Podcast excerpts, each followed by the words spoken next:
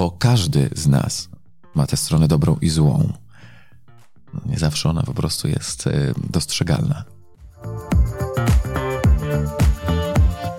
Więc to, czy ja mam zły nastrój, czy nie mam, czy jestem niewyspany, czy nie, czy mnie syn wkurzył po prostu rano, bo zrobił aferę bez powodu, czy, czy tej afery nie zrobił. Nie, ja muszę się od tego odciąć i muszę być na planie dla tych ludzi, bo potem jesteśmy dla widzów i, i, i ja muszę w sobie tę energię znaleźć, czasami po prostu muszę ją znaleźć z powietrza.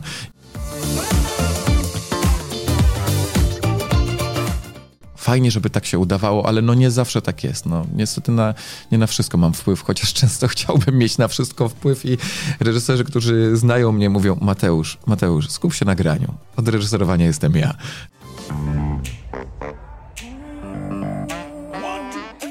Dziękuję Ci bardzo, że słuchasz mojego podcastu. Bardzo Cię proszę o drobną przysługę. Oceń moją audycję. To ma wpływ na pozycjonowanie w rankingach. Twój głos ma dla mnie bardzo duże znaczenie. Zapraszam do wysłuchania kolejnego odcinka. Herra on Air. Wywiad rzeka z tymi, którzy płyną pod prąd.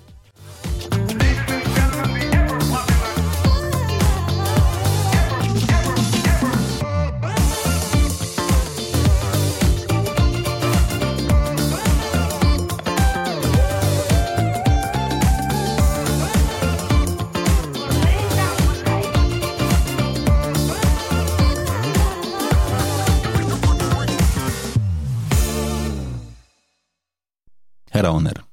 Wywiad rzeka z tymi, którzy płyną pod prąd. A co z takimi, którzy trochę pod prąd, a trochę z prądem, a dzisiaj myślę, że na potężnej fali, ale na własnych zasadach. Facet, który jest kosmicznie zajęty. Znaczy, jak sobie pomyślę, ile czasu zajęło nam umówienie tej audycji, to chyba łatwiej byłoby mi, nie wiem, umówić się z prezydentem Stanów Zjednoczonych. Oczywiście trochę przesadzam, ale z drugiej strony myślę sobie, że wyskakuje z tak nieoczywistych dzisiaj lodówek, że to jest aż nieprawdopodobne. Mam takie przekonanie, że chyba w kategorii aktorów niezaszufladkowanych, czyli tych, którzy mogą zagrać każdą rolę, on zadbał o to bardzo. Znaczy, jestem w stanie sobie jego wyobrazić w każdej jednej kreacji. Mimo tego, że jak teraz patrzę na niego w studio, totalnie mógłby wpaść w rolę Amanta i zostać w niej do końca życia.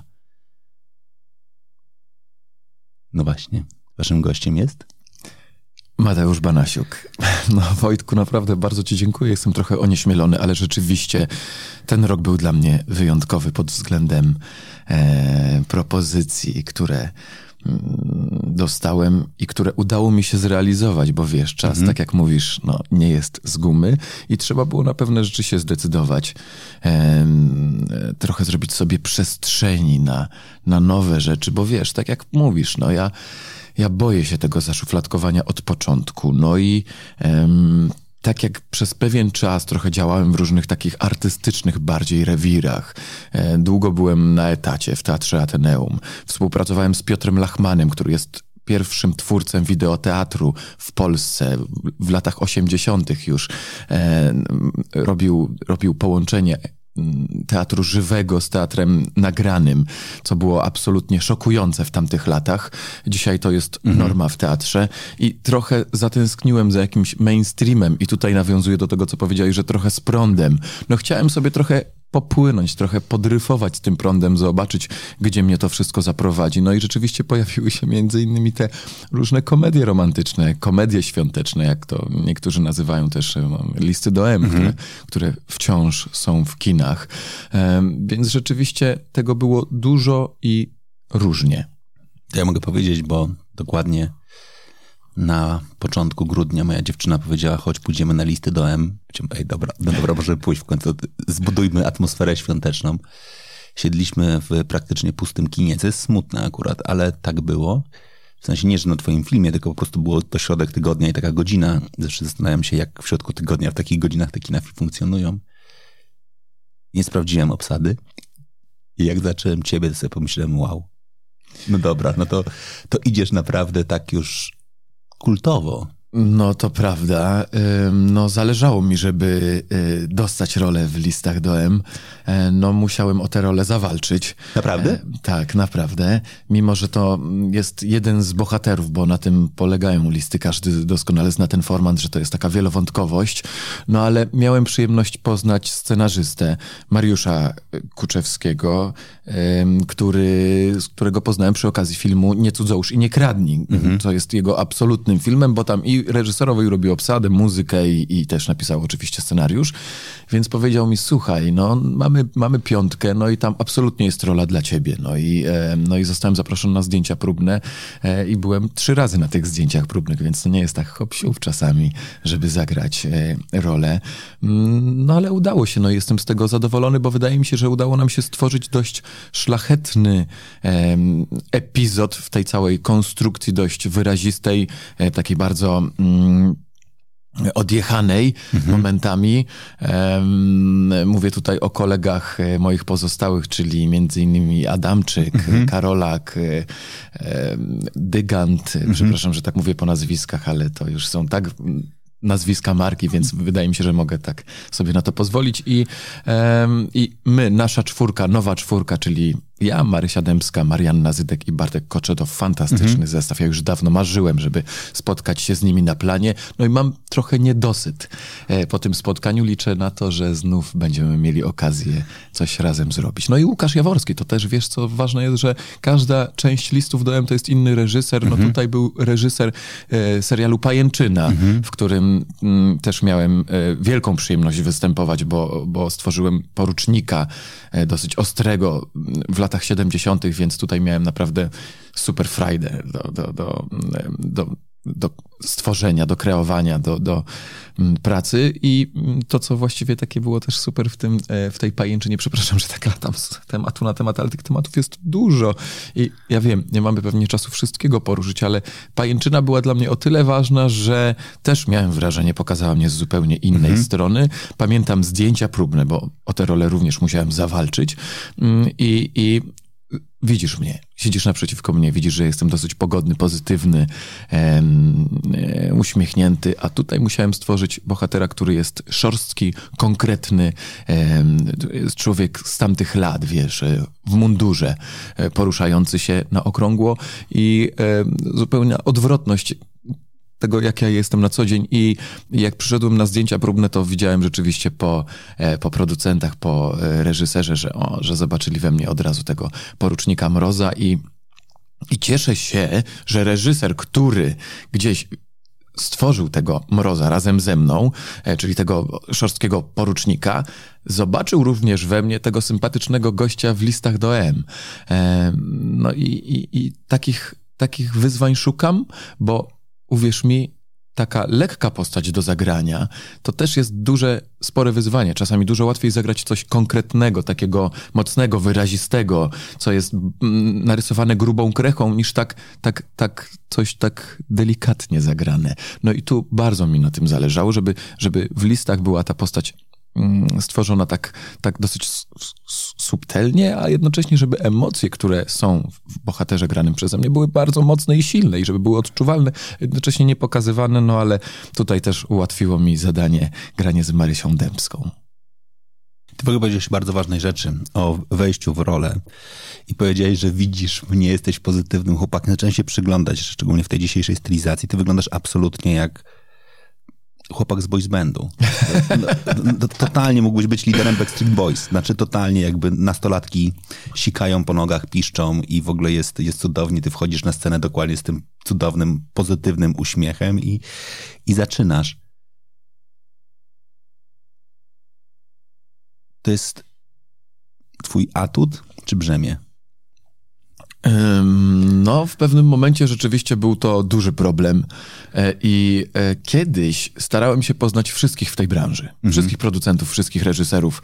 E, chodziłem na imprezy, poznawałem się z nimi i miałem, w pewnym momencie zorientowałem się, że to chyba jest dużą przeszkodą, bo oni poznając mnie, mając często ograniczoną wyobraźnię, trudno im sobie wyobrazić, że mógłbym zagrać kogoś zupełnie innego. No i mm, wiesz, i w pewnym momencie pomyślałem sobie, kurczę, muszę jakoś przestać chodzić na te imprezki, na te bankiety, e, bo to zaczyna e, mi trochę przeszkadzać. Moja osobowość e, zaczyna mnie ograniczać. No nie mnie, tylko postrzeganie mnie. To, jak jestem obsadzany, jak jestem, jakie role dostaję, jakie propozycje stoją przede mną, więc pomyślałem, że no, muszę to jakoś odczarować i, i pokazać się trochę z innej strony, więc pomyślałem, że trochę trochę zacznę być, e, chować ten swój optymizm i pogodę ducha i, i, będę starał się wysyłać w świat taki sygnał, że, że nie, teraz już staję się mężczyzną, że teraz jestem kimś zupełnie innym.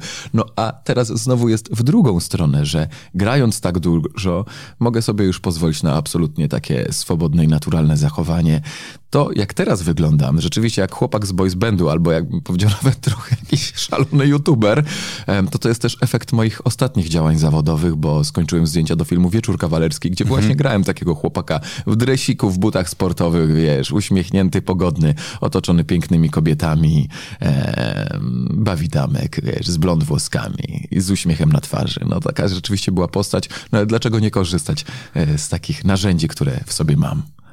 Ty powiedziałeś o turbo ważnej rzeczy. Znaczy, moim zdaniem to jest coś, co właśnie mi uświadomiłeś, że w momencie, w którym wpadasz na pomysł, że na twoje życie zawodowe mają wpływ relacje, co jest prawdą trochę, czyli wpadasz na pomysł, dobra, będę chodził na bankiety, będę poznawał ważnych ludzi w tej branży, to z jednej strony dajesz sobie gigantyczną szansę, bo oni cię znają. Kłopot polega na tym, że znają cię z kontekstu. Dokładnie. A znają cię z kontekstu, który nazywa się bankiet, zabawa, impreza. Dokładnie. Czyli w naturalny sposób widzą tę twoją część bankietowo-imprezową. I wiesz, ja rzeczywiście po prostu e, piłem drinki i wznosiłem toasty z, z najważniejszymi e, producentami, właścicielami e, stacji telewizyjnych i wiesz, jeździłem na festiwale filmowe, gdzie zdobywałem nagrody e, i, i rzeczywiście jakoś tak się z nimi nawet miałem wrażenie, w pewnym momencie zakumplowałem, co w ogóle nie pomagało mi w mhm. zdobywaniu ról. No, bo... W najmniejszym stopniu. To się, to się ludziom wydaje, że to tak, o, to jest teraz,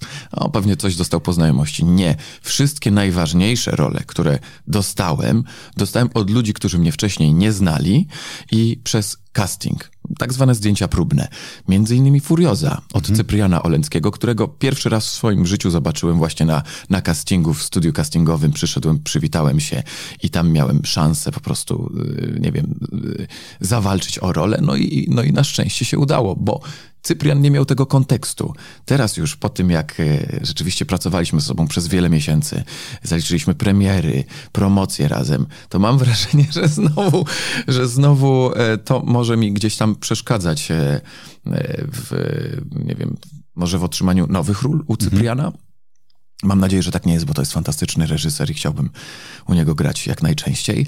No ale właśnie widzisz, no, to, to, że ktoś mnie nie zna i przychodzę na casting, e, jest ta czysta karta, no to jednak jest, to jednak najbardziej się sprawdza, no ale najpierw trzeba być w ogóle zaproszonym na te zdjęcia próbne, to też już jest nie lada e, wyzwanie dla młodego aktora. Nie, no naprawdę sobie totalnie sobie to wyobrażam, jak siedzi producent z reżyserem i rozmawiają, dobra, musimy osadzić taką jakąś mroczną postać no, no, dobra, taki naprawdę musi być twardy, mroczny, ponury, trochę nieprzewidywalny.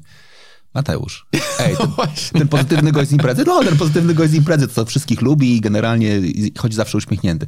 Mhm. No właśnie, to nie jest oczywistym wyborem. To nam się wpisuje totalnie. No u nas rzadko y, producenci eksperymentują. Raczej idą utartymi szlakami, bo wiesz, film to jest e, kosztowna impreza, y, trzeba kilka milionów y, włożyć w coś, co nie wiadomo czym będzie, czy to się spodoba, czy nie, czy te wszystkie puzzle się ze sobą połączą.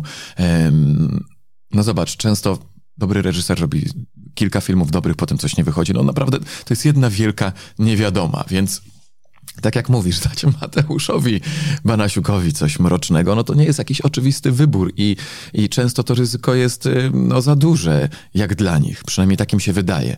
No ale zobacz, że e, jakby nie wiem, czy w Stanach Zjednoczonych oni bardziej mogą sobie pozwolić mhm. na takie szaleństwa, bo mają tego dużo i, i, i e, rynkiem jest cały świat. U nas ten rynek jest naprawdę bardzo mały, a teraz tak jak mówisz, kina są puste, e, ludzie nie chodzą do kina, e, analisty to jeszcze chodzą, to jest jeszcze nie tak źle, bo mamy już ponad milion, milion widzów, mhm. gorzej z innymi produkcjami.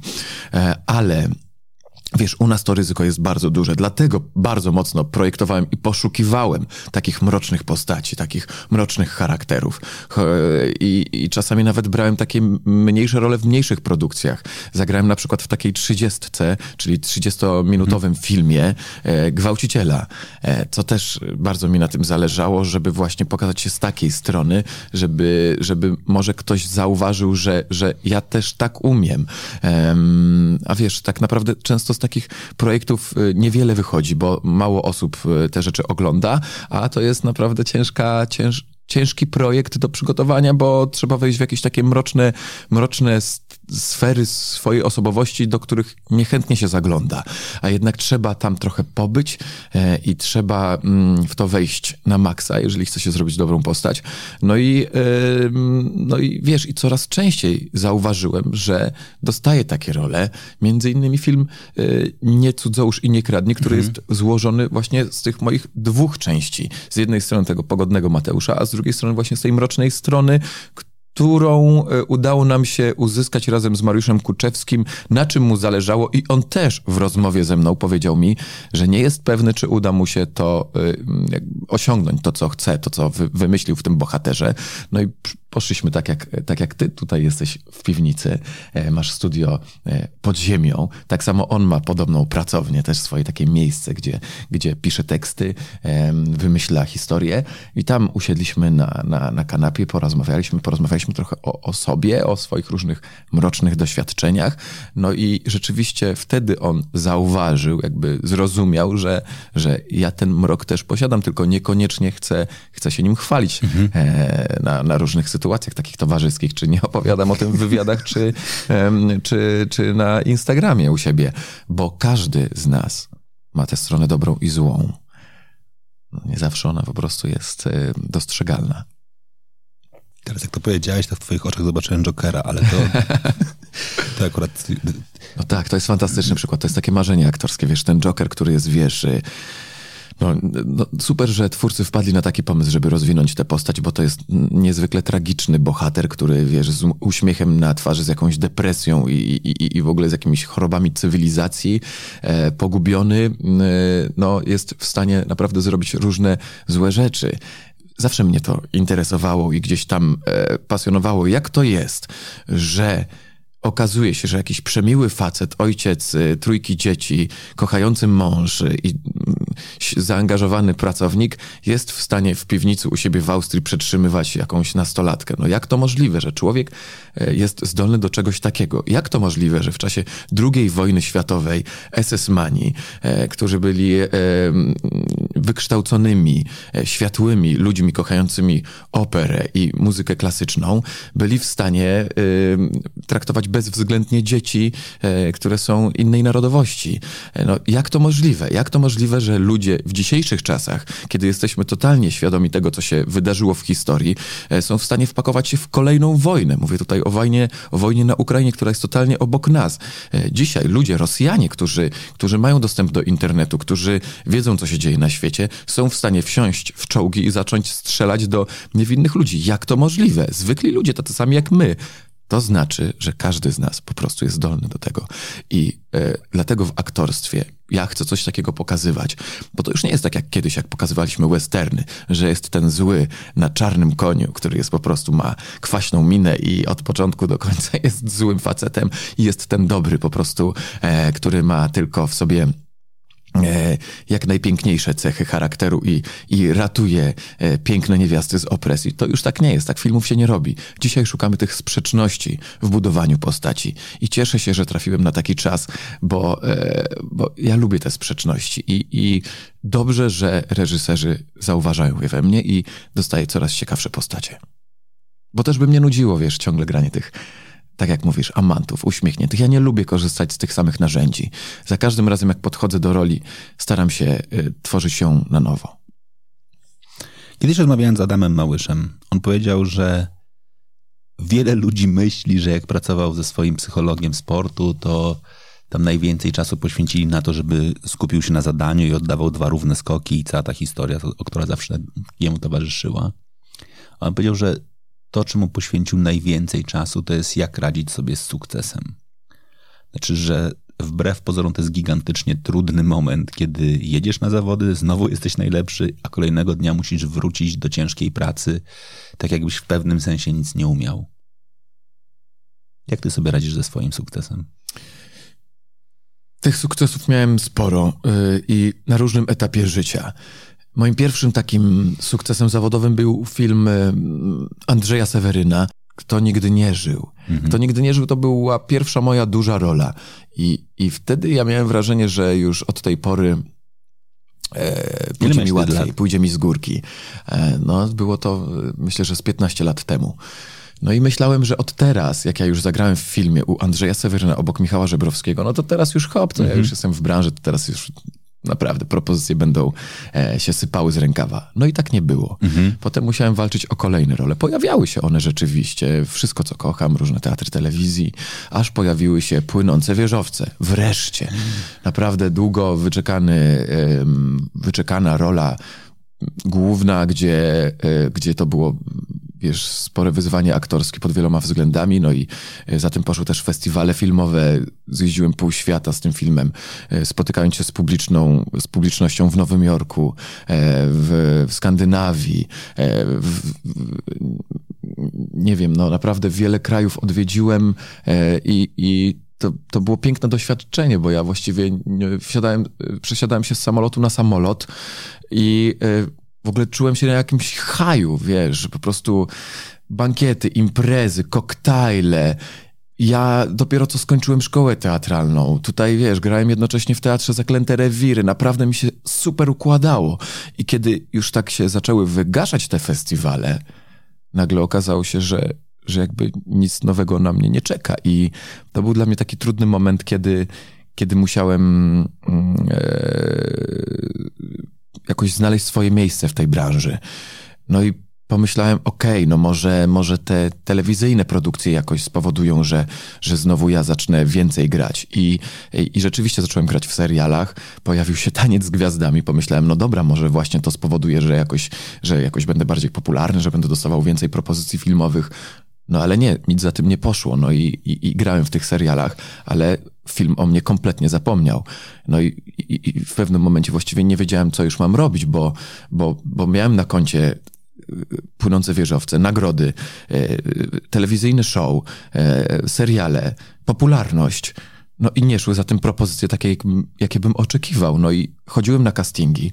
No i co chwilę ocierałem się o te główne role, a ich nie dostawałem, więc to było właściwie dla mnie dla mnie to był dla mnie taki trudny okres dosyć zawodowy, mimo że ja ciągle coś robiłem, ja ciągle byłem w pracy. Ja odkąd skończyłem szkołę, ja właściwie nie schodzę z planu, ale to nie zawsze były takie propozycje, e, jakie sobie wymarzyłem e, w szkole teatralnej. I w końcu na szczęście pojawiła się ta furioza, która była jakimś takim odczarowaniem tego, e, tego takiego okresu, gdzie nie grałem w filmach. No i od tamtej pory już jakoś poszło, no ale musiałem jakoś coś w sobie odblokować, nie wiem, psychicznie e, i, i, e, i potrzebowałem bardzo tej furiozy. To po prostu, to e, miałem taki głód grania w filmach, już nie mówiąc o tym, że w takich filmach, takich historiach, takich scenariuszach, takich postaciach, to było, to było spełnienie moich marzeń. E, no i na szczęście Cyprian no, zawalczył o mnie, bo, bo pamiętam, rozmawialiśmy też już dużo po, po premierze, że, że producenci upierali się, żeby to byli inni aktorzy e, do, do tej roli, a on jednak uparł się, powiedział, że, że ja mam w sobie rzeczywiście tę sprzeczność, której on poszukuje i, no i zawalczył o mnie i, i, i udało nam się stworzyć piękny film, który poruszył widzów na całym świecie, bo wiesz, Furioza, oprócz tego, że miała świetny box office w Polsce, jak na tamte czasy, na mhm. czasy Furiozy, to też na e, platformach streamingowych podbiła cały świat. I od tamtej pory rzeczywiście no, nie schodzę z planu filmowego, więc, y, więc jest super. Ale to była, to była no, nie wiem, czy, czy, czy ten okres takiej no, porażki, bo trudno to nazwać porażką, ale taki trochę mm, odsunięcia mnie jakiegoś takiego, wiesz, po tym jak wszyscy pytają, o co teraz, co teraz, co teraz, nad czym teraz pracujesz i, i to jest trudne dla aktora, kiedy kiedy gdzieś się zaistniało e, w tej świadomości e, tej naszej, tego naszego bagienka zawodowego, tej branży, nagle ja nie, nie, nie wiem, co teraz, no. Nie wiem, co, co przede mną. I e, to był dla mnie trudny okres. A kiedy, kiedy był sukces, jak ja sobie z tym radziłem, no, przydałoby się, żeby studentom szkoły teatralnej mówić, jak sobie z tym radzić. Bo kiedy, kiedy pojawiła się popularność, mnie się wydawało, że wszyscy chcą dla mnie dobrze, mhm. że e, wszyscy dziennikarze, którzy są, e, są po to, żeby jakby, że, że mi kibicują, że, że um, trzymają za mnie kciuki, a tak nie jest. Wszyscy czekają tylko na to, żebym ja powiedział jakąś głupotę, żeby zwiększyć klikalność, żeby po prostu zwiększyć zainteresowanie wywiadem. I ja, naiwny, ja nawet nie czytałem wywiadów, których udzieliłem. A wiesz, często te wywiady są poprzerabiane, jest wzięte coś z początku, z końca i nagle y, wychodzisz na idiotę, bo coś wyciągnięte z kontekstu tekstu brzmi zupełnie inaczej, jeżeli wyciągnie się czasami jedno zdanie z twojej wypowiedzi. Nagle coś jest niejasne. Teraz ty mnie widzisz. Mhm. Teraz nasi słuchacze mnie słyszą. Słyszą y, z jakim, jaki mam temper głosu, czy jestem uśmiechnięty, nawet potrafią sobie to wyobrazić. A jak jest wywiad czytany, to nie, dostają suche litery. I, e, i to najbardziej, tu najbardziej e, zawodziłem na początku, bo powinienem wszystko mm, dbać o to, co pojawia się w tych wywiadach. A ja o to nie dbałem, miałem to gdzieś. Mnie interesowały po prostu imprezki, tutaj praca, tutaj spotkania towarzyskie, e, żeby grać fajne role, ale w ogóle się nie skupiałem na tym, jak jestem właśnie postrzegany. E, no i zacząłem być postrzegany chyba jakoś tak niezbyt poważnie, e, z czego musiałem dosyć długo wychodzić no, kolejnymi wywiadami, bo to, to jest jedyna moja forma obrony przed tym, co się pojawia na mój temat. To są wywiady, więc y, tutaj musiałem zacząć zastanawiać się nad tym, ale tego się nie uczy w szkołach teatralnych. Wiesz, nagle pojawia się popularność, wywiady, e, rozpoznawalność i, i ty nie wiesz, jak sobie z tym radzić. No i przydałoby się takie zajęcie, żeby ktoś trochę ci pomógł, jakiś menedżer, no nie wiem, ale wiesz, młodzi aktorzy nie mogą liczyć na pomoc menedżerów, bo nikt ich nie chce przyjąć do żadnej agencji. E, no, muszą chodzić od agencji do agencji, prosić się, żeby gdzieś dostać się do agencji, a już w ogóle na casting to jest jakaś masakra, więc, e, więc tutaj no, nie ma mowy o jakiejś pomocy psychologa, jak Adam Małysz, no daj spokój, tutaj, tutaj idziesz po omacku, a ten świat jest naprawdę okrutny i stara się cie, ciebie wycisnąć jak gąbkę, wyciągnąć z ciebie najgorsze rzeczy, które w tobie są e, i potem cię gdzieś porzucić e, na poboczu. No tak jest po prostu. I jak, jak już o tym wiesz, to już wiesz, jak sobie z tym radzić, ale na początku no, jesteś jak dziecko we mgle. Właśnie sobie wyobraziłem taki tytuł Popchnął staruszkę na pasach a rozszerzenie popchnął staruszką na pasach, ratując ją przed nadjeżdżającym samochodem. I Właśnie. dokładnie można tak sobie dokładnie to jakby absolutnie, absolutnie. wyciągnięte z jednego kontekstu. Dokładnie. Dokładnie. Okay. Wiesz, nieraz się pojawiło e, Mateusz Banasiuk w szpitalu. Mhm. Wiesz, wchodzisz w nagłówek, a tu widzisz, że Mateusz Banasiuk po prostu w serialu, w serialu w szpitalu i to od razu zwiększa jakąś tam klikalność i zasięgi. E, albo Mateusz Banasiuk rozstał się, bierze ślub, cokolwiek innego, to jeszcze wiesz, ale to ze staruszką, co wymyśliłeś, to jest dużo lepsze i takie rzeczy też się pojawiały. Już nie mówiąc o tym, że e, no, na, wy, no absurdy. Często te y, informacje plotkarskie to są informacje wyssane z palca. No myślę, że jedna trzecia tego, co się czyta na portalach plotkarskich, to są jakieś bajki. Mhm. E, no oczywiście część z tego, co czytamy, to jest prawda, ale jak wyciągnąć, co jest prawdą, a co nie, no to tutaj trudno się zorientować, bo nawet moi przyjaciele i znajomi czasami e, nie są pewni, co tam jest o mnie prawdziwego i dzwonią i pytają, ej Mateusz, serio? Serio? serio? Magda cię wyrzuciła z domu? To, bo przeczytałem, że śpisz u najlepszego kumpla. No gdzie ty śpisz, jak nie u mnie? Tylko niektórzy usuwam cię ze znajomych, nie śpisz u mnie. Myślałem, myślałem, myślałem, że jesteś moim, twoim najlepszym kumplem. Dokładnie. No nie, no właśnie, więc dużo, dużo różnych ciekawych informacji czytam na swój temat. Z twojej perspektywy, na czym polega fen fenomen furiozy? Na przede wszystkim scenariusz. Mhm.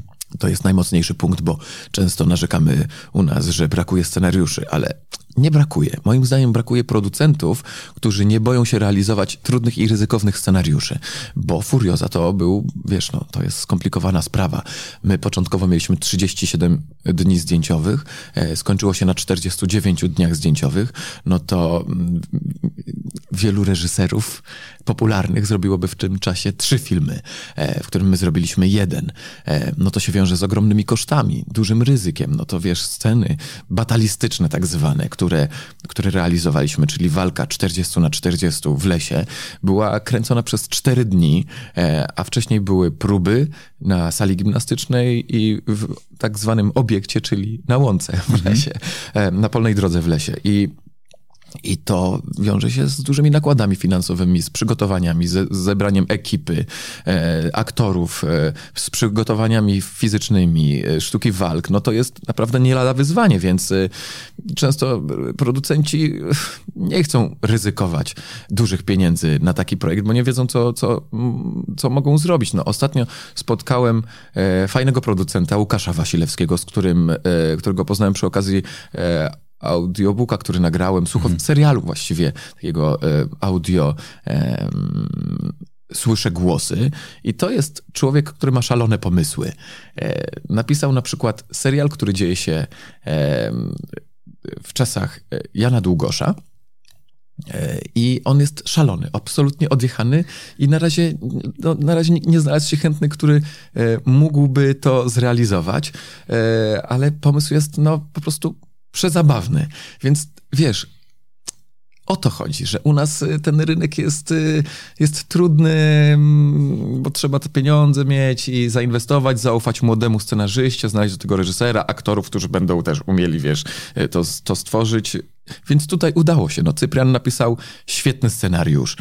Pamiętam, kiedy jeden z kaskaderów przygotowujących mnie do filmu e, w końcu przeczytał scenariusz, powiedział, ucieszył się jak dziecko, wiesz, to był dwumetrowy facet, naprawdę, e, dwa na dwa, e, po prostu 100 kilo mięśni. Nagle przybiega do mnie, cieszy się jak dziecko i mówi, wow, to jest niesamowite, to jest scenariusz, Boże, nie możemy tego spieprzyć, naprawdę, słuchaj, nie, teraz koniec, już koniec opierdzielania się, przychodzisz tutaj, olej te treningi siłowe, będziemy na sali cztery dni w tygodniu, po prostu na macie, walimy w worek, nie, to musi być super zrealizowane, nie możemy tego spieprzyć. No i wiesz, kiedy widzisz, że, że każdy, każdy człowiek z pionu jest tak zaangażowany w projekt, dlatego że scenariusz, że historia tak ich niesie, no to widzisz, wow, to może się udać. Do tego stopnia, że nawet dyżurny planu, czyli Jeden z ekipy technicznej na planie tak się wciągnął w temat, że podczas realizacji zdjęć do Furiozy napisał dwa hip-hopowe kawałki, które znalazły się w ścieżce zdjęciowej do filmu i to jest, to jest naprawdę rzadkość. No myśmy słuchali tych kawałków, tych numerów, e, możecie sobie odpalić, co jest wszędzie dostępne. E, nazywa się, jeden to jest chyba Golden Flex e, i to jest Mossad, Mossad Adrian e, napisał dwa numery, e, nawet na czołówce do serialu, który można było oglądać na Kanal Plus, też jest jego właśnie utwór na czołówce i na tyłówce. I, i, i myśmy słuchali w naszej garderobie i w make-upie, nakręcając się przed scenami właśnie tych numerów, więc tutaj naprawdę była totalna wkręta. E, no i udało się, no nie spieprzyli tego na montażu, na e, muzyka też doskonale uzupełniła e, tę warstwę emocjonalną. No i tutaj nikt nie zawiódł. No, udało się zrobić dobry film. Powiedziałeś, że siłą jest scenariusz, a jak powiedział kiedyś Andrzej Wajda, przynajmniej jemu się przypisuje te słowa. Z bardzo dobrego scenariusza można, można zrobić kiepski film. I, tak. chyba, I chyba dowiedzieliście oprócz tego scenariusza jednakże trochę więcej tych rzeczy. No nie, no oczywiście, że tak. No tutaj też właśnie między innymi obsada, o którą zawalczył i nieoczywiste wybory, do czego zawsze my namawiamy reżyserów, producentów, żeby naprawdę mm, korzystać z aktorów inaczej niż e, widzowie są przyzwyczajeni. No zobacz, u nas często jak jakiś aktor, ja nie chcę tutaj rzucać nazwiskami, no ale jak jakiś aktor zagrał raz gangstera, to potem gra w 30 filmach gangstera, no raz, raz zagrał w sutannie, no to potem w pięciu filmach widzę go grającego księdza albo mnicha. No tak już u nas jest. no a zobacz, ja grający chuligana, Weronika Książkiewicz, e, grająca ostrą policjantkę. Mhm. Mateusz Damięcki, e, grającego po prostu jakiegoś psychola, właściwie jokera takiego mhm. bym nawet powiedział. Mhm. No to są nieoczywiste wybory i tutaj to też zaskoczyło widzów. widzowie chcą być zaskakiwani. No i tutaj się udało. Ile w tym sukcesie globalnym jest jednakże Netflixa? Hmm? Ile w sukcesie globalnym tego filmu jest elementu Netflixa? No Netflix pozwala dotrzeć do ludzi na całym świecie, ale ten film nie miał żadnej reklamy, więc ja nie wiem jak to, jak to się stało, że ten film od razu wskoczył na pierwsze miejsce e, na całym świecie, że, że był w pierwszej dziesiątce w, chyba w 80 krajach e, Stany Zjednoczone, e, Argentyna. No naprawdę to było, to było dla mnie szokujące. Bez jakiejkolwiek reklamy, po prostu jakoś pocztą pantoflową poszła informacja, że ten film jest, e, jest dobry i, i ludzie chcieli go oglądać. Nie wiem, jak to się stało, e, ale Netflix rzeczywiście daje tę możliwość, że może go obejrzeć każdy w tym samym czasie, w tym samym momencie. No, um, no, no to jest duża frajda, bo kiedyś no, nie było takiej możliwości. A teraz moi przyjaciele w Stanach Zjednoczonych e, mogą obejrzeć film ze swoimi znajomymi i powiedzieć: Ej, zobaczcie, to jest mój kumpel z Polski. Skąd z Polski? No taki kraj w Europie. Wiesz o co chodzi? No, no fajnie, no, że, że tak możemy podbić świat. I to będzie oznaczało, że będziecie grali więcej na świecie, czy mniej na świecie? Bo to jest pytanie, które ja sobie regularnie zadaję. Nie, no nie, to się nic nie zmieniło tutaj. No. Wydaje mi się, że z tego co wiem, to moim kolegom też nie, przed moimi kolegami też nie stanęły jakieś propozycje zagraniczne. No nie, to poza tym, że dostałem mnóstwo fantastycznych wiadomości na mediach społecznościowych od ludzi z całego świata, to poza tym się niewiele zmieniło. Mhm. No i poza tym też, że platformy streamingowe też z nas chętnie korzystają, ale tutaj u nas, na naszym podwórku, e, dostajemy kolejne propozycje e, grania w filmach dla nich, ale to są polskie produkcje, mhm. a nie zagraniczne. Szkoda. Ja bym chętnie oczywiście zagrał w takich zagranicznych produkcjach. E, jestem na to otwarty, ale wiesz, no, ale ten rok miałem też tak intensywny.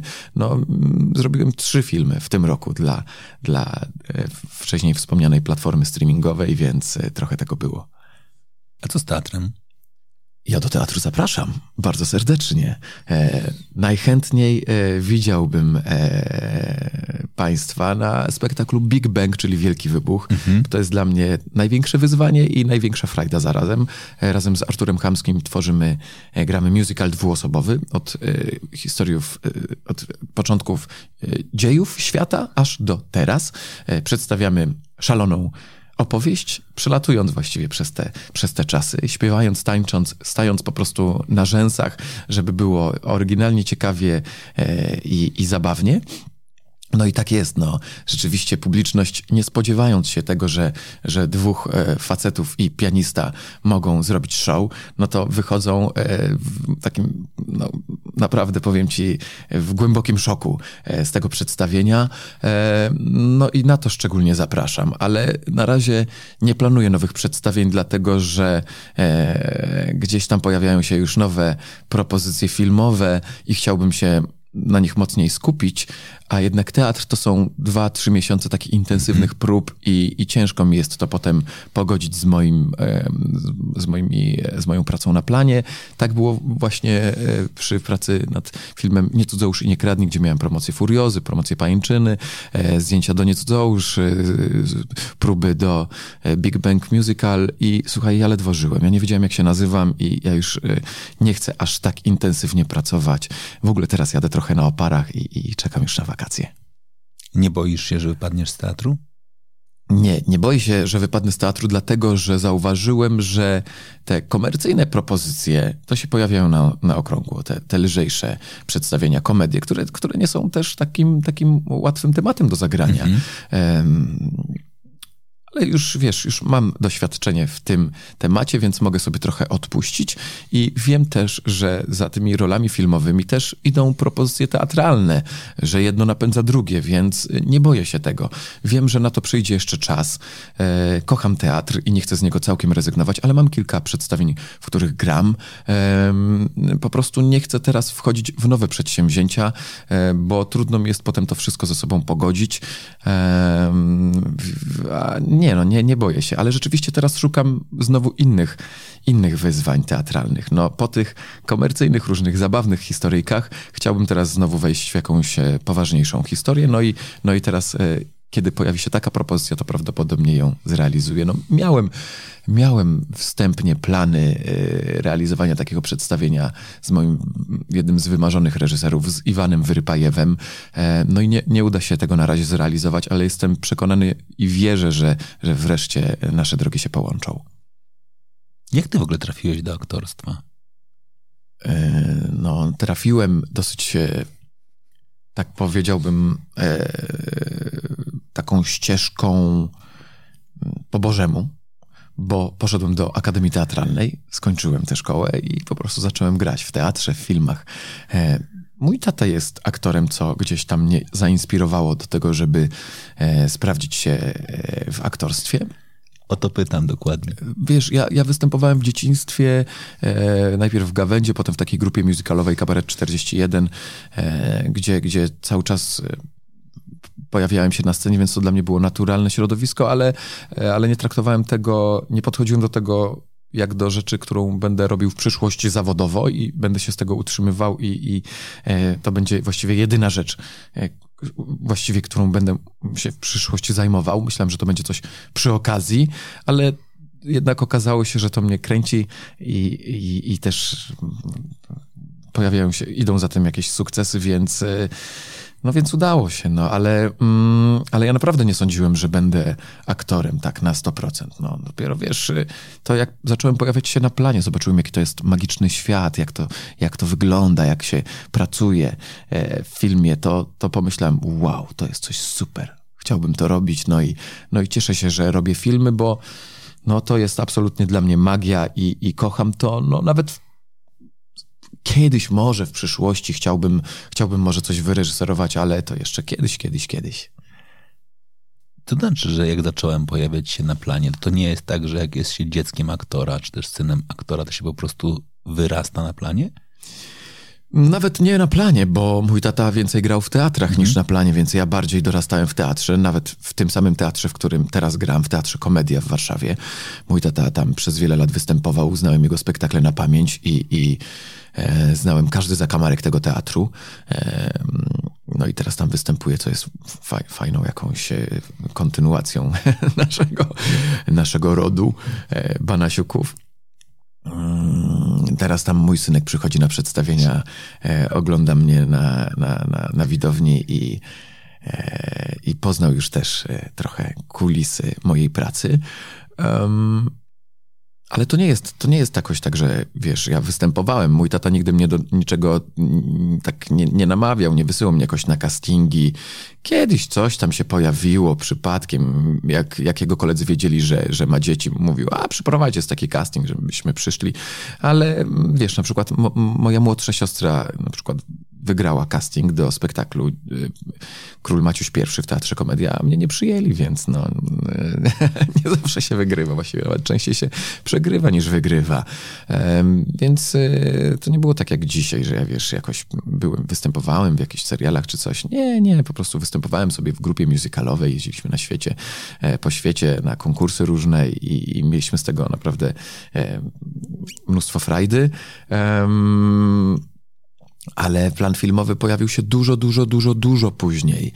E, I, e, i no byłem pod ogromnym wrażeniem tego, jak, jak ile elementów jest na planie, jak, jakie jest skupienie, jak, jak ten świat się tworzy. No i na początku, wiesz, te role były naprawdę małe, te role, który, w których grałem. No to pamiętam, między innymi w jednym serialu grałem chłopaka 2, a Paweł Domagała grał chłopaka 1. E, czy, czy, jakoś tak, no może teraz coś mieszam, ale, ale wiesz, no zaczynałem naprawdę od, od epizodów i, i jakoś po kolei, po kolei te role pojawiały się coraz większe. Łapałem doświadczenie i to jest fajne, bo wiesz, no trzeba się jakoś otrzaskać na planie jednak, żeby, żeby, żeby ta, ta trema, trema była coraz mniejsza, no i żeby wiedzieć, jak się na tym planie e, poruszać, bo e, żeby nie zasłonić kogoś, żeby, żeby nie zacieniować, żeby to, to są osie, no to jest taki język techniczny, którego też w Akademii Teatralnej e, nie uczą, a jednak na planie człowiek łapie to doświadczenie, z którego potem korzysta i które jest już takie już naturalne, wiesz, my na planie już przychodzimy i pewne rzeczy już wychodzą nam automatycznie, nie musimy się nad nimi zastanawiać fiksujemy, czyli wiesz, jesteśmy powtarzalni. Ja jak zrobię coś w jednym dublu, to potem jestem w stanie to odtworzyć na tym polega moja praca. Oczywiście jest tak zwany skrypt, który wszystko notuje, czy ja kubek podniosłem lewą ręką, czy prawą, czy kurtkę zakładałem na tych słowach, czy na innych, e, kiedy, kiedy trzaskałem drzwiami, a kiedy, e, kiedy, mm, kiedy, nie wiem, no, drapałem się po głowie. I to wszystko jest bardzo ważne i to wszystko musi wyglądać naturalnie, a musi być powtarzalne, ale tego uczy się człowiek przez doświadczenie. I ja to doświadczenie łapałem naprawdę, naprawdę e, małymi epizodami na początku. To nie jest tak, że ja od razu dostawałem główne role, ale rzeczywiście po kolei po kolei szedłem coraz wyżej, aż się znalazłem w miejscu, w którym jestem teraz. Pozwolisz synowi grać? E? Czy pozwolisz swojemu synowi grać? Nie wiem, co będzie, jak e, będzie starszy, ale na razie, przynajmniej na dzisiaj, e, myślę sobie, żeby robił to, co chce to, na co będzie miał ochotę, żeby spróbował różnych rzeczy w życiu, żeby, e, żeby miał, wiesz, e, chcę mu dać narzędzia, e, chcę mu pokazać różne fajne rzeczy, zapisywać go na różne zajęcia dodatkowe. Jeżeli widzę, że, że coś przejawia zainteresowanie jakimś tematem, to żeby go w tym temacie, pomóc mu się w tym temacie rozwijać. Ale jeśli chodzi o jakiś wybór, wiesz, szkoły czy drogi zawodowej, to chciałbym, żeby miał w tym wolność. No będę mu oczywiście starał się jak, jak najlepiej doradzić, ale, ale no to będzie jego życie. No i, no i pewnie to będzie trudne, ale chcę, żeby on podejmował własne decyzje. Ja nie pytam, czy będziesz go cisnął do tego, żeby poszedł do szkoły teatralnej. Pytam o to, czy gdyby ktoś z Twoich kolegów przyszedł i powiedział: Hej, potrzebujemy sześciolatka, czy ktoś może przyprowadzić swoje dziecko, to czy ty powiesz: Dobra, spróbuje, najwyżej mu się nie spodoba, podejmie swoją decyzję, ale jednakże w tym wieku to nie jest tak, że on się sam zgłosi, tylko ty musisz wykonać ten pierwszy krok. Mm, no nie no, dzie dzieci to mają ciężko na planie, to nie jest dla nich taka zabawa, wiesz, one, one mają skupienie, takie małe dzieci przez pół godziny, a potem to już trzeba jakoś namawiać, nakłaniać, zachęcać, przeku przekupstwo tutaj też wchodzi w grę, jakieś słodycze, no to, to naprawdę em, przez chwilę mają zabawę, a potem już o, chętnie by porobił coś innego, a one muszą w kółko, w kółko. Czasami jest, czasami trzeba czekać przez kilka godzin. A nie daj Bóg wpadniesz w serial. A nie daj Bóg wpadniesz w serial. E, no widzimy, że te też drogi e, tych dzieci różnie się potoczyły. Nie każdy tak fajnie jakoś e, kieruje swoją drogą zawodową, jak chociażby mm, no nie wiem, Aleksandra Szwed, mhm. która od dziecka występowała, czy Julia Wieniawa, która tak mocno rozwinęła, rozwinęła swoją karierę. Niektórzy, wiesz, widzimy w Stanach Zjednoczonych, że z tego klubu myszki Miki wpadają w jakieś w ogóle nałogi i jakoś totalnie rujnują swoje życie, e, bo nie mieli dzieciństwa. No, ja chciałbym, żeby on miał dzieciństwo. No, na szczęście jeszcze nikt mnie nie zapytał, czy Henio nie zagrałby w jakimś filmie czy serialu, bo nie wiem, co bym zrobił. Pewnie zależy, jaki byłby ten projekt i jak bardzo by, e, co musiałby w nim robić, bo wiesz, są trudniejsze i łatwiejsze. No, nie wiem, czy widziałeś na przykład fantastyczny film Wilkołak, mhm. gdzie dzieci były osaczone przez e, wilki e, w domu gdzieś w środku lasu. No myślę, że to było trudne, niezwykle trudne dla nich zadanie. No, powstał piękny film, serdecznie Państwu polecam, ale kurczę, no nie wiem, czy, czy, czy w takim filmie chciałbym, żeby zagrał. No, różne traumatyczne czasami sceny są do zagrania i, i często mi dzieci towarzyszą w takich rzeczach. No i to jest no, dla nich trudne i stresujące. No nie wiem, no naprawdę wiesz co, nie dostałem jeszcze takiej propozycji. Często ktoś mnie pyta, ej, a ty zagrałbyś u Wegi? Ja mówię, słuchaj, no nie wiem. No nie wiem, bo nigdy taka propozycja przede mną się nie pojawiła. Dopiero jakby się pojawiła, to bym się zastanawiał, czy bym taką propozycję przyjął, czy bym takiej propozycji nie przyjął. Wiesz, takie opowiadanie, że nie, ja to bym nie zagrał, ja to bym tego nie zrobił, a to bym w tym nigdy nie zrobił. To jednak okazuje się, że życie bardzo weryfikuje. Jest jeden popularny kolega, który mówił, że każdy, kto zajmuje się, e, kto jest w mediach społecznościowych, to jest skończony kretyn, po czym nagle okazuje się, że on e, wchodzi e, na Instagram i po prostu tam króluje, no. Ktoś mówi, że nigdy w życiu by nie zagrał w serialu, e, że gardzi serialami i nagle widzę, że o, patrzę, o kurczę, gra w serialu, więc życie bardzo weryfikuje e, nasze, wiesz, jakieś deklaracje. Więc ja naprawdę nie chcę się deklarować i nie wiem, co bym zrobił, gdyby ktoś zaproponował mojemu synowi e, udział w jakiejś produkcji. Nie wiem. Wolałbym, żeby na razie nie, nie pracował. Chciałbym, żeby miał jak najnorm, najnormalniejsze dzieciństwo. Powiedziałeś o ładnej rzeczy. Powiedziałeś o tym, że czasem widzisz, bo z nimi grasz, te dzieci, które grają czasami nie najłatwiejsze postaci, które z drugiej strony są w naturalny sposób znudzone, bo to, co dokładnie powiedziałeś, nasza gotowość na to, żeby skupić się, czy też nasze skupienie dziecięce dość szybko się kończy. Na ile twoja wrażliwość ojca ci pomaga w tym, żeby je wesprzeć, pomóc, zrozumieć, a na ile jest, no znowu, takim obciążeniem, bo myślisz sobie, kurczę, po co my im to robimy? Przyznam ci, że odkąd y, jestem ojcem, to moja wrażliwość na, na dzieci jest większa i mhm. No i fajnie, że powstają piękne filmy z udziałem dzieci, bo jednak dorosły nie zagra dziecka, chyba że to jest film Siedem uczuć Marka Koterskiego, który jest absolutnie odjechaną koncepcją, no ale jest to jednorazowa taka, wiesz, y, strzał i jednorazowy strzał, ale dzieci Dzieci potrzebne są do tego, żeby opowiadać piękne historie. No i super, że one powstają i e, fajnie, żeby te dzieci były jak najbardziej zaopiekowane. No i, i ja to rozumiem, że, że tak jest. E, wiesz, nikt też nie zmusza rodziców i dzieci do udziału i rzeczywiście staramy się, żeby były jak najbardziej zaopiekowane. Zawsze jest pomoc psychologa na planie. Teraz, w dzisiejszych czasach, wiesz. E, ja też staram się jakby nawiązać fajną relację z tym dzieckiem, ale zdarzają się takie sytuacje, że na przykład jedno dziecko, z którym miałem zdjęcia, wpadło w totalną histerię i oni chcieli, y, twórcy, żeby, żeby były zamknięte drzwi. I ja to dziecko miałem trzymać, y, dopóki się drzwi nie otworzą i to dziecko, żeby pobiegło jakby do, do swojej mamy, która była za kamerą. I to dziecko po prostu tak zaczęło wyć i walić i machać rękami, po prostu to było taka taka drama, że ja powiedziałem, że ja tego nie zrobię. Mhm. Że ja się na to nie zgadzam, że ja nie będę tego dziecka e, trzymał na siłę, żeby oni coś innego wymyślili i że e, trudno, no po prostu najwyżej tego nie nakręcimy e, albo na, niech zmienią tę scenę, ale ja się na coś takiego nie zgadzam, e, no bo uważam, że wszystko ma swoje granice i, i tutaj e, ta, ta moja granica została już przekroczona. Ty już grasz 45-latków, czy jeszcze nie?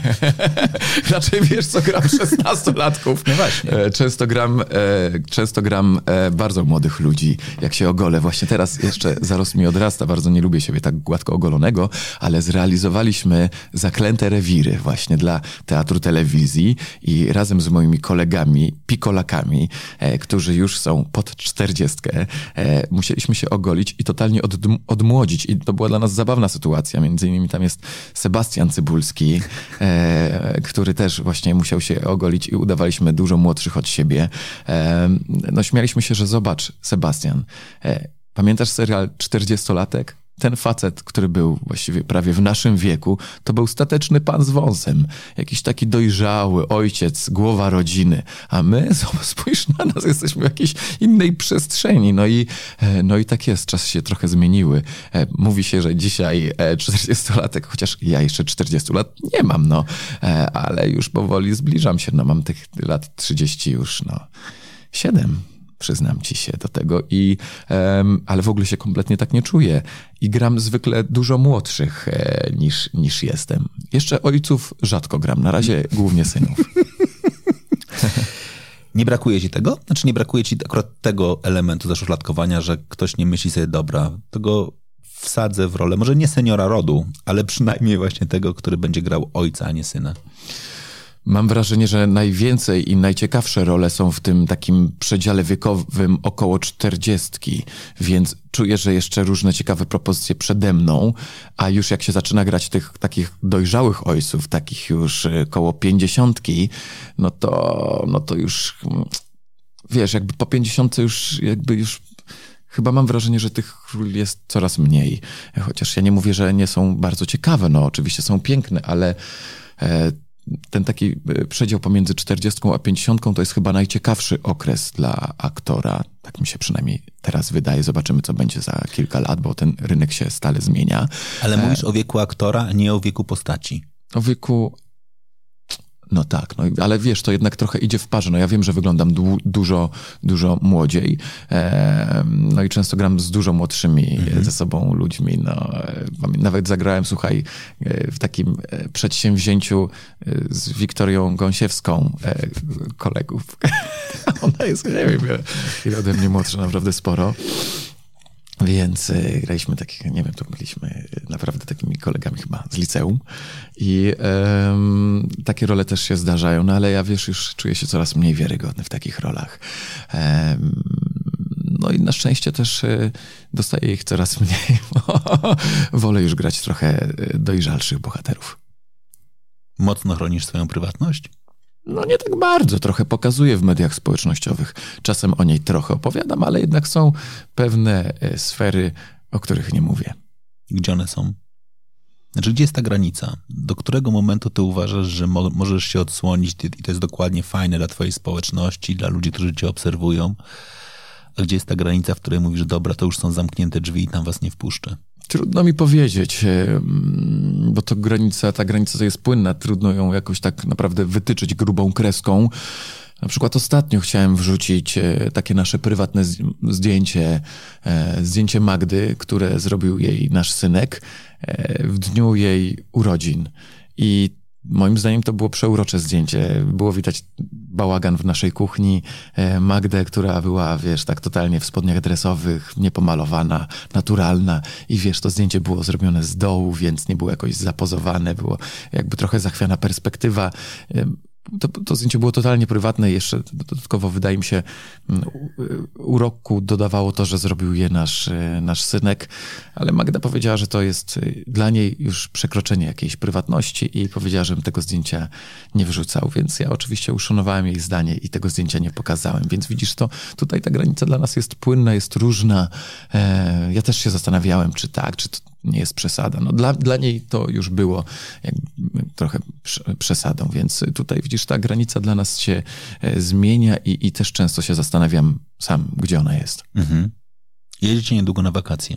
Tak. Czy twój Instagram wybuchnie codziennymi relacjami z wakacji? Nie. E, ja jestem już zmęczony mediami społecznościowymi przez to, że miałem teraz dużo projektów i, i chciałem je promować, żeby, żeby jak najwięcej ludzi poszło do kina, czy, czy tak jak teraz przy okazji e, serialu audio słyszę głosy, żeby jak najwięcej osób usłyszało nasz serial, no to media społecznościowe przydają się do tego, żeby opowiedzieć o projektach, które się robi i głównie dlatego z nich korzystam, ale na wakacjach chcę odpocząć, bo zauważyłem, że też wpadam, wiesz, w uzależnienie, że skroluję, że po mhm. prostu przed snem włączam nagle i powinienem się położyć, a patrzę, minęło 20 minut, cholera, a ja w ogóle siedzę i, patrzę, oglądam jakieś, jakieś informacje, które nie są mi do niczego potrzebne i e, też potrzebuję tego detoksu. E, I na wakacjach w ogóle miałem taki plan, żeby przez miesiąc y, nie zaglądać do mediów społecznościowych, ale na początku stycznia będzie teatr telewizji z moim udziałem, więc chciałbym o nim powiedzieć moim e, followersom. E, będzie też jeden film z moim udziałem e, pod koniec stycznia, więc też chciałbym o tym przypomnieć. I na walentynki też będzie film ze mną, też będzie nowa premiera, więc o tym też chciałbym opowiedzieć ale nie będę robił spamu wakacyjnego. Coś tam może, jedno czy dwa zdjęcia gdzieś tam się może na początku albo na końcu pojawią, ale nie. To jest czas, który, który dla mnie będzie absolutnie resetem. Ja nie miałem od wielu miesięcy wakacji i ja nie narzekam, bo jest wiesz, to co ci powiedziałem na początku, że ja narzekałem na to, że nie robię tych filmów. Teraz tych, tych filmów w tym roku zrobiłem sześć. E, naprawdę dużych, e, fajnych ról. I, e, i cieszę się, że tak było, ale ja potrzebuję teraz resetu, żeby, żeby podejść do kolejnego sezonu z nową energią. Tutaj, wiesz, u mnie w mojej branży ważna jest kreatywność, otwarta głowa i, i, i jakieś takie pomysły na to, żeby, żeby czerpać z siebie, a ja czuję, że już jestem w sobie nie mam zbyt wiele, po prostu jestem już, e, wyczerp wyczerpała się we mnie jakaś energia, bo ja staram się zawsze na planie mieć dużo energii, zwłaszcza grając główną rolę. Ja muszę ciągnąć na swoich plecach, jak kapitan drużyny piłkarskiej, e, całą ekipę. Ekipę techniczną, która często ma nadgodziny, e, która jest zmęczona, która pracuje na tych aktor, aktorów, wiesz, charakteryzacja, garderoba, ci wszyscy ludzie są dla, dla nas, dla projektu, a ich nie widać i oni bardzo ciężko pracują, wstają wcześnie rano, żeby, żeby włożyć swój talent i zaangażowanie w projekt. I ja muszę jakby swoją pozytywną energią na planie ich nakręcać. Tak samo muszę działać na swoich kolegów aktorów, żeby, żeby cały czas trzymać tę te, te pozytywną energię, bo potem, wiesz, y, jesteśmy z tego rozliczani, e, z tego, co zrobiliśmy. Więc to, czy ja mam zły nastrój, czy nie mam, czy jestem niewyspany, czy nie, czy mnie syn wkurzył po prostu rano, bo zrobił aferę bez powodu, czy, czy tej afery nie zrobił. Nie, ja muszę się od tego odciąć i muszę być na planie dla tych ludzi, bo potem jesteśmy dla widzów i, i, i ja muszę w sobie tę energię znaleźć, czasami po prostu muszę ją znaleźć z powietrza. I, e, i teraz czuję, że wyczerpałem się doimentnie. Zamknąłem wszystkie projekty i teraz jesteś właściwie puentą tej mojej kilkumiesięcznej podróży. Jesteś ostatnim wywiadem, którego teraz udzielam i e, teraz idę na wakacje. Ciao. Kurczę, jak słucham tego, co ty mówisz, to mógłbym napisać chodząca pasja i zaangażowanie. Totalnie. A jesteś w biznesie, w którym na koniec dnia, przykro mi to powiedzieć, ale nie wszystko od ciebie zależy. Nawet powiem w niektórych momentach niezbyt wiele. Znaczy, ty mówisz, że ciągniesz siebie, ekipę, pozostałych aktorów, masz pomysł, chcesz to zrobić, inni być może angażują się, w, się z tobą, a później pojawia się postprodukcja, montaż i wszystkie pozostałe elementy i co czujesz w momencie, kiedy idziesz pierwszy raz zobaczyć materiał zmontowany? Zawsze mam stres, yy, dużą tremę, bo niestety często się zawodzę. Yy, bo każdy z nas, czytając książkę, mhm. wyobraża sobie coś. Mhm. I ja tak samo scenariusz wyobrażam sobie, jak ta historia powinna wyglądać. Yy, i zawsze się różni od tego, co sobie wyobraziłem, ale nie zawsze jestem zaskakiwany pozytywnie. Często nagle okazuje się, że coś się nie sprawdza, że jakieś pomysły, założenia, montaż, rytm, że coś jest nudne. Zdarza się tak niestety. Mhm. Nie mam na to wpływu. Co, co zrobić? No, niestety, wiesz, to y, mówi się, że montaż, ten, ten, ten to, to jest taki moment, kiedy tak rzeczywiście realnie powstaje film. Mhm na to, jakie sceny będą wybrane, jakie wylecą, jak ta wiesz, bo to my dajemy, dostarczamy materiał. Mhm. Staramy się, żeby ten materiał był jak najlepszy. Mhm. Ja jestem odpowiedzialny za swoją działkę i staram się zawsze nie odpuszczać żadnej sceny, ale potem ten materiał leży na stole i reżyser często wycina różne wątki, niektóre wyciąga, wydłuża, wyciąga na powierzchnię. Ten film może różnić się diametralnie od tego, co było wcześniej wymyślone. I yy, i oby jak najczęściej to się udawało, tak jak z filmem Furioza. No tutaj, tutaj wszystko zagrało, rytmy. Wiesz, wiele osób mówiło mi, że włączało ten film, już jak już nie był w kinach, tylko gdzieś tam na, na platformach streamingowych, siadało, włączało, na chwilę siadało i tak nie mogło wstać po prostu. I w ogóle z wściągniętym powietrzem oglądało ten film przez 2.20 e, do końca, e, wciągnięci w historię, której w ogóle wiele osób mówiło mi, wydawało mi się, że to nie jest film dla mnie, jakiś o chuliganach, brutalny, coś tam, przemoc, to nie dla mnie, takich filmów nie lubię. I nagle okazało się, że e, osoby wciągały się w tę historię, no i fajnie, żeby tak się udawało, ale no nie zawsze tak jest. No, niestety na, nie na wszystko mam wpływ, chociaż często chciałbym mieć na wszystko wpływ i reżyserzy, którzy znają mnie mówią, Mateusz, Mateusz, skup się na graniu. Od reżyserowania jestem ja. Tutaj zajmij się swoją robotą, wiesz. Nieraz słyszałem też e, taki tekst, nie drap się nie po swoich jajkach, albo hmm. hold your horses, gdzieś nawet jak gdzieś pracowałem z jakąś międzynarodową produkcją i ja rzeczywiście czasami gryzę się w język i staram się, żeby ludzie, każdy, wiesz, robił rzeczy, za które jest odpowiedzialny, ale mm, no, ponosi mnie czasami, ponosi mnie i e, widzę, że coś ktoś przeoczył i od razu o tym mówię. Wkurzam się, jak ludzie, którzy powinni wykonywać swoje zadanie, nie robią, go, nie robią tego profesjonalnie i naprawdę wtedy, wtedy wychodzę z siebie i, i potrafię naprawdę e, no, wybuchnąć nawet. Więc e, dobrze, żeby tak nie było. No. Tak dokładnie, tak, tak dokładnie to sobie wyobrażam.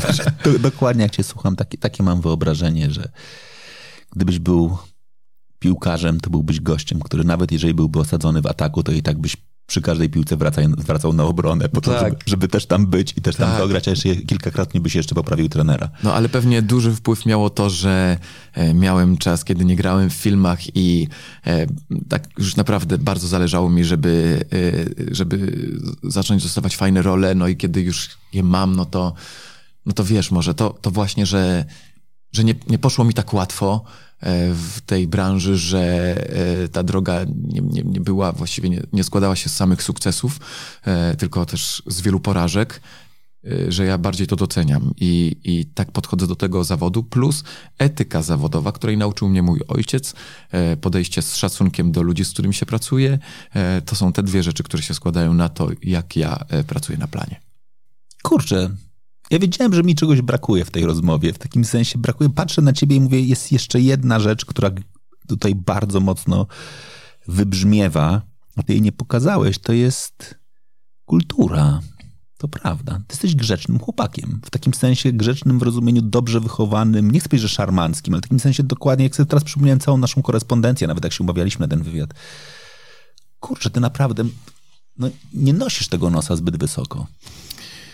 No bo e, tutaj trudno jest nosić e, nos wysoko, wiesz. U nas jest inaczej niż na przykład z youtuberami albo e, z influencerami, którzy gdzieś tam się nagle zdobyli gigantyczną popularność i idą za tym naprawdę duże pieniądze.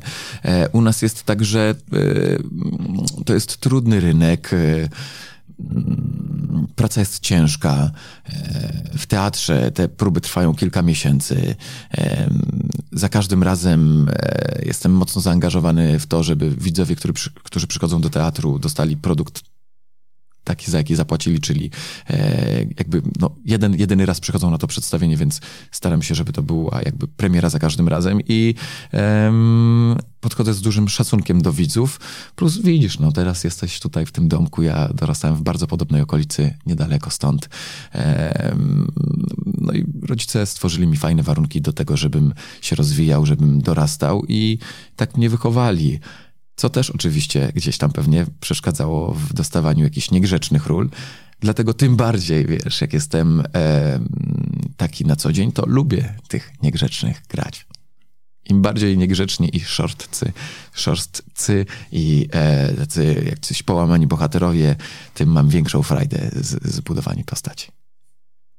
Jesteśmy na przełomie roku, więc to jest ten moment, kiedy po podsumowaniu, które zrobiłeś bardzo ładnie, składamy sobie życzenia Czego ci życzyć?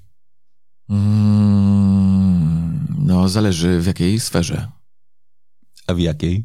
No nie wiem, bo wiesz, są różne sfery. Sfera zawodowa, Dobra, sfera prywatnej. prywatna. Nie, dawaj w prywatnej. Czego życzyć w prywatnej? E, no, no, przede wszystkim chciałbym, żeby mój synek był zdrowy i żeby, żeby wiesz, on, on też jest takim e, dzieckiem, które ma w sobie mnóstwo chaosu. Teraz jest takim bardzo e, wiesz, żywiołowym dzieckiem.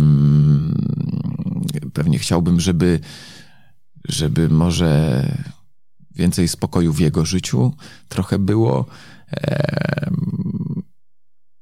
Nie wiem, chciałbym, żeby po prostu y, tak dalej tak do, dobrze wszystko się układało, bo wiesz, zwykle jest tak, że jak e, jest dobrze, to jest dobrze ze wszystkim, a jak się psuje, to już wszystko wali się na głowę i wiem, znając swoje życie, doświadczenie, wiesz, mojego ojca, który e, przez wiele lat występował w Teatrze Narodowym w Warszawie, teatr spłonął mhm. i mój tata stracił nagle pracę z dnia na dzień.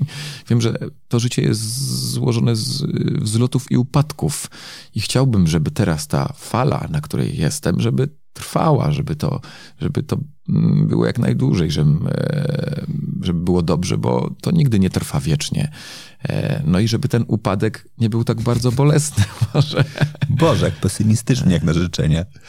E, no nie, no chciałbym, żeby było dobrze, po prostu jest dobrze i, i spotkałem fajnych ludzi w ogóle na, swoim, na swojej drodze w ostatnich latach, e, między innymi właśnie Mariusza i Magdę Kuczewskich, to są twórcy filmu Nie cudzołóż nie kradnij i chciałbym z nimi się spotkać teraz w najbliższym czasie. Chciałbym pracować z takimi ludźmi jak oni właśnie, bo e, to jest dla mnie e, to jest dla mnie właściwie, po to ja zostałem aktorem, żeby z takimi ludźmi robić filmy, bo oni też kochają tak jak ja filmy i, i uwielbiają kreować wymyślony świat i mamy przy tym naprawdę mm, ogromną frajdę i e, też tak jak ja, oni mają duży szacunek dla ludzi, z którymi pracują. To było niesamowite, kiedy na premierze zaprosili wszystkich twórców, którzy byli na scenę, e, że tam nie są ważni dla nich tylko aktorzy, ale każdy pion. I oni naprawdę wszystkim dziękują. I, i to, taka, taka atmosfera wspólnej pracy to jest coś, co ja lubię, a nie tak, tak ja nie lubię tak chodzić do pracy po prostu, wiesz, tak dzień dobry, do widzenia, e, do widzenia Państwu, tylko robimy coś wyjątkowego, to jest jakieś spotkanie, to jest jak, wiesz, jak ułożenie planet w określonej e, kolejności, że to, to musi się coś złożyć takiego dziwnego. Muszą się spotkać ludzie w określonym miejscu i czasie, przy, jakimś, e, przy jakiejś koniunkturze, żeby powstało coś wyjątkowego. I czasami zabraknie jednego elementu i coś już nie gra, a czasami nagle wszystko się układa. I tak jest właśnie z, z nimi, z tymi Kuczewskimi, czy na przykład z Cyprianem Olenckim, e, czy na przykład e, przy ostatnich produkcjach też z Filipem Zylberem, z którym pracowałem, e, z którym jakoś też nam się dobrze pracuje i miałem duże szczęście do ludzi i, i Magda Szwedkowicz też pojawiła się taka producentka. To są ludzie, z którymi po prostu chciałbym dalej pracować, więc życz mi, żebym, żebym dalej z nimi pracował i tyle.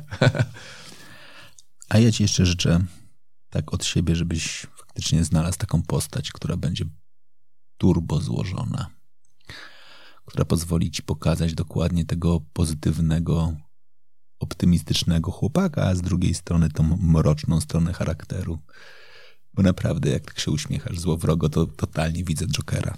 W sensie naprawdę jakby ta, ta złożoność postaci myślę, że jest ci pisana i absolutnie to udźwigniesz. Super. Wiesz co, ja już jestem na takim etapie, że już trochę projektuję pewne pomysły i szukam pewnych opowieści.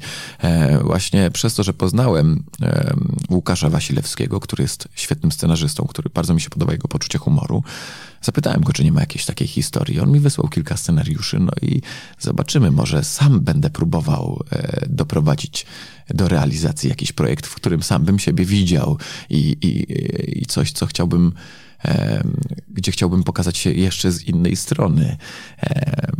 No więc, o, może tego też można mi życzyć, żeby udało mi się zrealizować jakiś taki swój projekt. Do tego ci życzę. I to jest dobre miejsce, żeby postawić kropkę. Dziękuję Ci bardzo za tę rozmowę.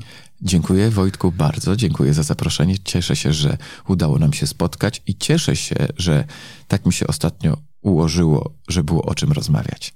Dziękuję Ci. Oj, było bardzo. A ja bardzo Wam dziękuję też, że byliście z nami i teraz tak sobie myślę, że chyba trochę przełożymy harmonogram publikacji, czyli wypuścimy tą, rozm tą rozmowę tuż przed świętami, więc pewnie będziecie mieli okazję jeszcze ją usłyszeć, po to, żebyś Ty mógł już faktycznie później zniknąć sobie na wymarzone długie wakacje i żeby żadne powiadomienia o tym, e, przesłuchałem tej rozmowy, cię, cię, cię, nie rozpraszały. Dzięki bardzo. Dziękuję Wojtku, dziękuję bardzo Wam, drodzy słuchacze, że spędziliście z nami ten czas. Normalnie w tym miejscu powinienem powiedzieć, że jeżeli dosłuchaliście tej rozmowy do tego momentu, to piszcie w mediach społecznościowych, ale dajcie odpocząć. Dzięki bardzo. Trzymajcie się. Hej.